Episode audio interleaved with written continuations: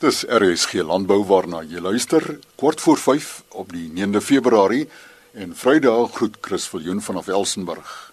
'n Woord van die Nasionale Plaaswerkersforum, die hoofuitvoerende beampte van die Inmaakvrugte Produsente Vereniging skets die huidige situasie in hierdie bedryf, sprinklaar werkverrigting op verskillende hoogtes bo seespieël en begrip ten opsigte van die droogte en ook die watersituasie in die Wes-Kaap.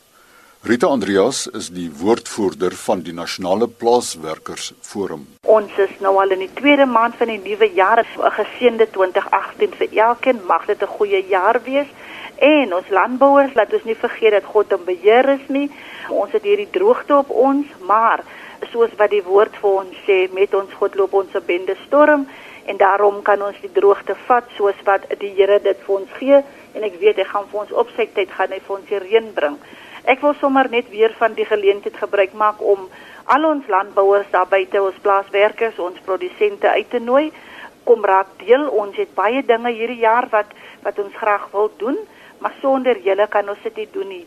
En ons is regtig enige tyd beskikbaar vir julle indien julle ons nodig het met watter landbouverwante sake dit ook al mag wees, kan julle ons kontak by 076 790 1066 en baie sterkte aan almal daar buite. Ek weet dit gaan nie so goed met ons pakseisoene nie, maar omdat ons al weet, daar gaan vir ons agter elke donker wolkie 'n silwer randjie. Die woordvoerder van die Nasionale Plaaswerkersforum, Rita Andreas, haar telefoonnommer 076 790 1066.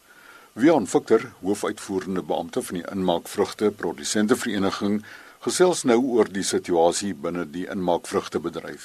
In see terme kry mens branders en dan kry mens fratsbranders. Dit is gewoonlik wanneer twee branders op mekaar kom en dan gee hulle vir jou hoë brander en dan in die derde plek kry jy 'n perfekte storm. Dit is wanneer daar in see terme 'n geweldige sterk wind is, 'n springgety en dan hierdie geweldige branders waar mens baie baie versigtig voor moet wees.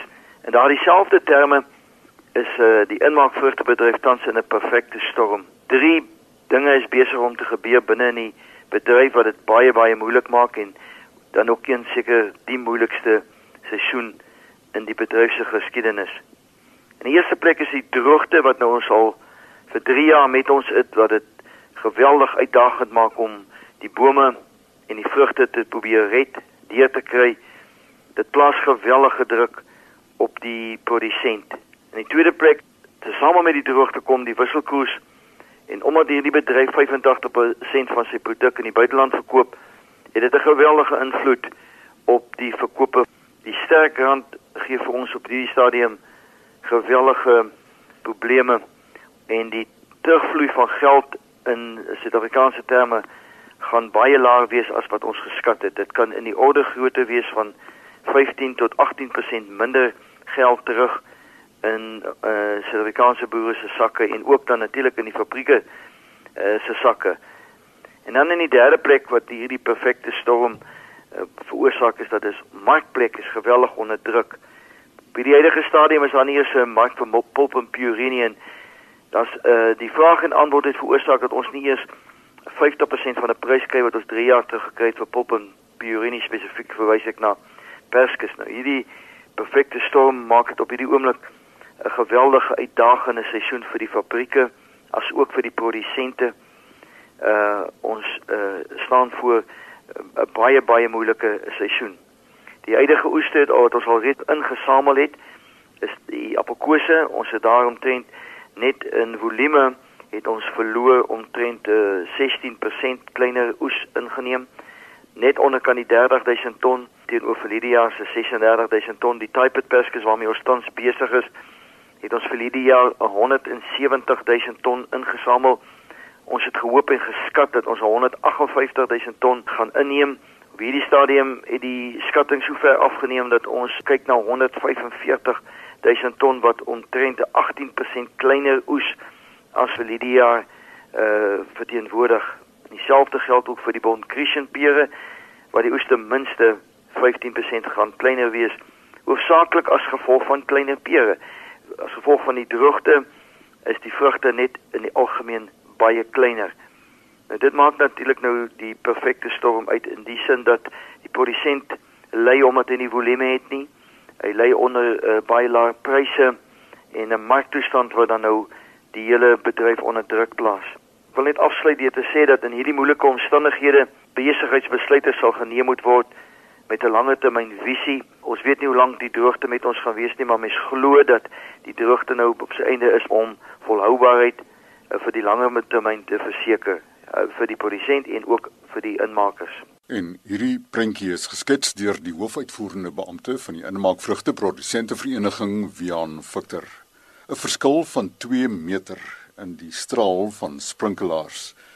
Waaraan kan dit toegeskryf word? Ons verneem by senior navorser Adrian van die Kerk van LNR Instituut vir Landbou en Ingenieurswese in Silverton, Pretoria. In die eerste plek hang dit af van die fisiese eienskappe van die sprinklaar, waarvan die tydgrootte of die nosselgrootte soos dit meer bekend staan, die belangrikste faktor is. Dan hang dit ook af van die druk waarteen 'n sprinklaar werk. En dit het 'n direkte invloed op hoe ver die sprinklaar sal spuit en dit is dan ook oor hierdie faktor wat ek meer wil uitbrei. 'n Laboratorium toets op sprinklaars kom daarop neer dat 'n sprinklaar binne 'n skerm geplaas word wat 'n vertikale gleuf in een van die sye het waar jy die water kan uitspuit en reg oor hierdie gleuf word 'n lang ry reënmeters op vaste afstande van mekaar uitgepak wat die volle lengte van die straat bedek. Die standaardvoorskrif is dat daar elke half meter reënmeters moet wees en dan is daar ook gevolglik spasies tussen dan waar nie metings gedoen word nie. En ons laboratorium egter by die Instituut van Landbouingenieurswese het ons 'n aanlepende strook waar daar elke kwart meter 'n meting gedoen word. Dit gebeur baie selde dat 'n sprinklaar eweredige verspreiding van die water oor die volle lengte van sy straal het. En daarom is sprinklaars in die praktyk so oorvleuel dat die een sprinklaar sal aanvul waar die ander sprinklaar te min water gee. Die moderne ontwerpprogramme waarmee sprinklerstelsels ontwerp word, neem dus al hierdie faktore in ag, behalwe een faktor. En dit is die hoogte bo seespieël wat veroorsaak dat die sprinklaar verder spuit op hoër hoogtes bo seespieël as na seevlak en dit is 'n heel ander verspreidingspatroon. Ons is in die bevoordeelde posisie dat ons die hoogste toeslaboratorium in die wêreld het. En sprinklaars spuit by ons op 'n hoogte van omtrent 1300 meter, net mooi 2 meter verder as by die ander toeslaboratoriums wat omtrent 100 meter bo seevlak is. Die enigste ander hoë toeslaboratorium is in Spanje wat omtrent die helfte van ons hoogte het. Al die ander toeslaboratoriums is naby seevlak. En huidig word alle stelsels ontwerp op grond van die toetsresultate van hierdie laboratoriums. In 2005 het Frankryk 'n wêreldwye toetsprogram geloods waar drie spanklaars van een laboratorium na die ander gestuur was en almal moes hulle resultate terugstuur na Frankryk toe waar die toetse ontleed is en in 'n verslag saamgevat is. En in hierdie verslag het ek gemerk dat die spanklaars volgens ons toetse 1,7 meter verder spuit as die ander toetse van die ander lande. Ek kon nie verstaan dat ons so verkeerd kon toets nie in aanhalingstekens. Baie teorieë was toe aangevoer om die verskil te probeer verklaar. Onder andere dat dit doen net met die natuurlike uh, rotering van water suidelike halfrond wat kloksewys is en noordelike halfrond antikloksewys. Ek het dit ook probeer ondersoek sonder enige sukses.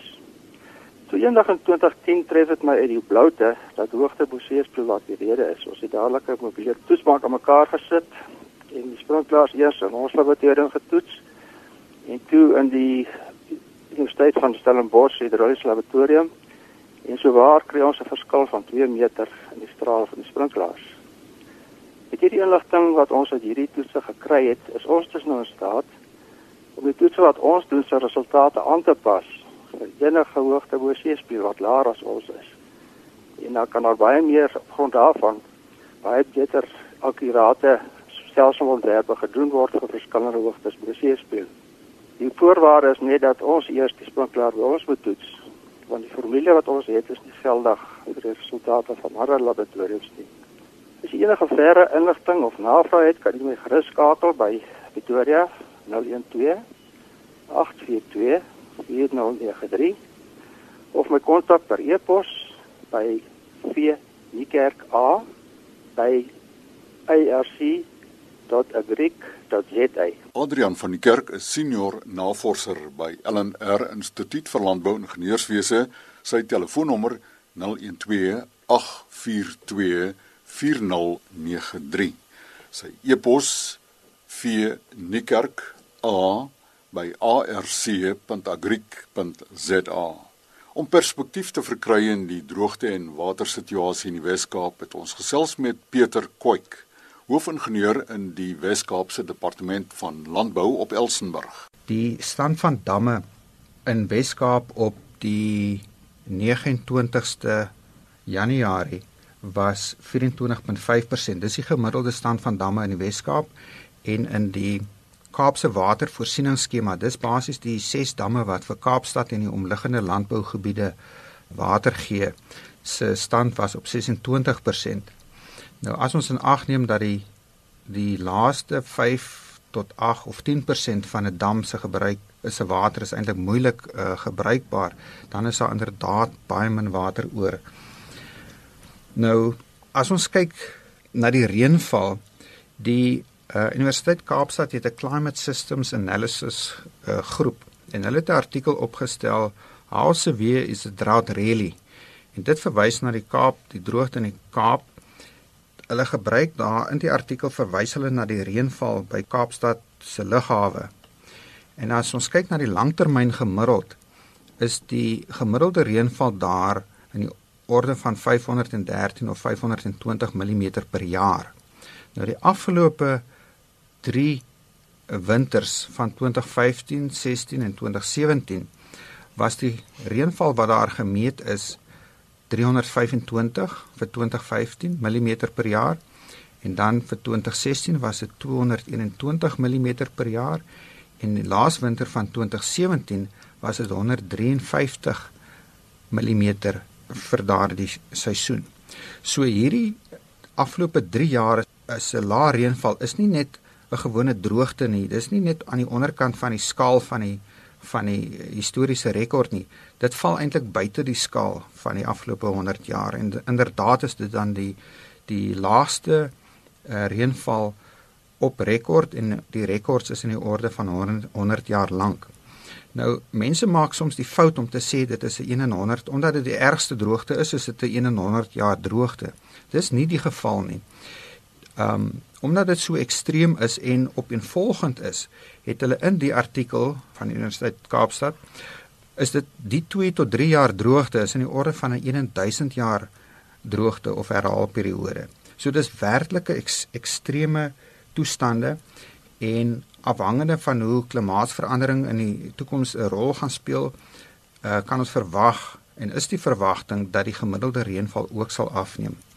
So dit plaas dan op die watergebruiker en die landbousektor wat die een van die groot watergebruikers is, 'n groot verantwoordelikheid om hulle water baie oordeelkundig te gebruik met die gepaste tegnologie en metodiek en gewasse en dis meer. En dit staan hier waar vroedloek 'n baie groot rol kan speel en ons dit ondersteun. Dit gee 'n bietjie die konteks van die belangrikheid van vroedloek en hoekom ons dit ondersteun en graag wil hê dat mense dit moet gebruik. Hoofingenieur in die departement van landbou in die Wes-Kaap, Pieter Koek. Pieter het nou verwys na vroedloek. Nou vroedloek het ten doel om boere in te lig oor die doeltreffende benutting van hulle beskikbare water en dit vind plaas met die samewerking van 'n Nederlandse organisasie bekend as eLeaf. Daaroor gesels ons môreoggend in RSG Landbou om kort voor 12. Dis 'n ongelooflike tool wat vir jou inligting gee oor wat die waterstand is op jou plaas, hoeveel letterlik hoeveel water 'n blok vrugte, lucerne, um, tabak wat ook al um, gebruik Um en is letterlik prentjies met 20 by 20 meter pikseltjies. So dis 'n klein klein prentjie so jy kan geweldige variasie daarvan waarneem in jou blok. So water is die een komponent, groei is die ander komponent. Jy kan monitor wanneer die groei begin staak as jy um klomp aktiwiteit op jou um blok uitvoer, blare uitbreek, top wat ook al kan jy daai aktiwiteite baie duidelik in ons data sien en dan is daar ook 'n ander komponent wat wat spesifiek dui op stresfaktore om stres te monitor en ek dink dit is baie baie relevant hierdie jaar. Vroetlook môreoggend om kort voor 12 in die program RSG Landbou. Dis groetheid, beste wense van Chris Viljoen op Elsenburg.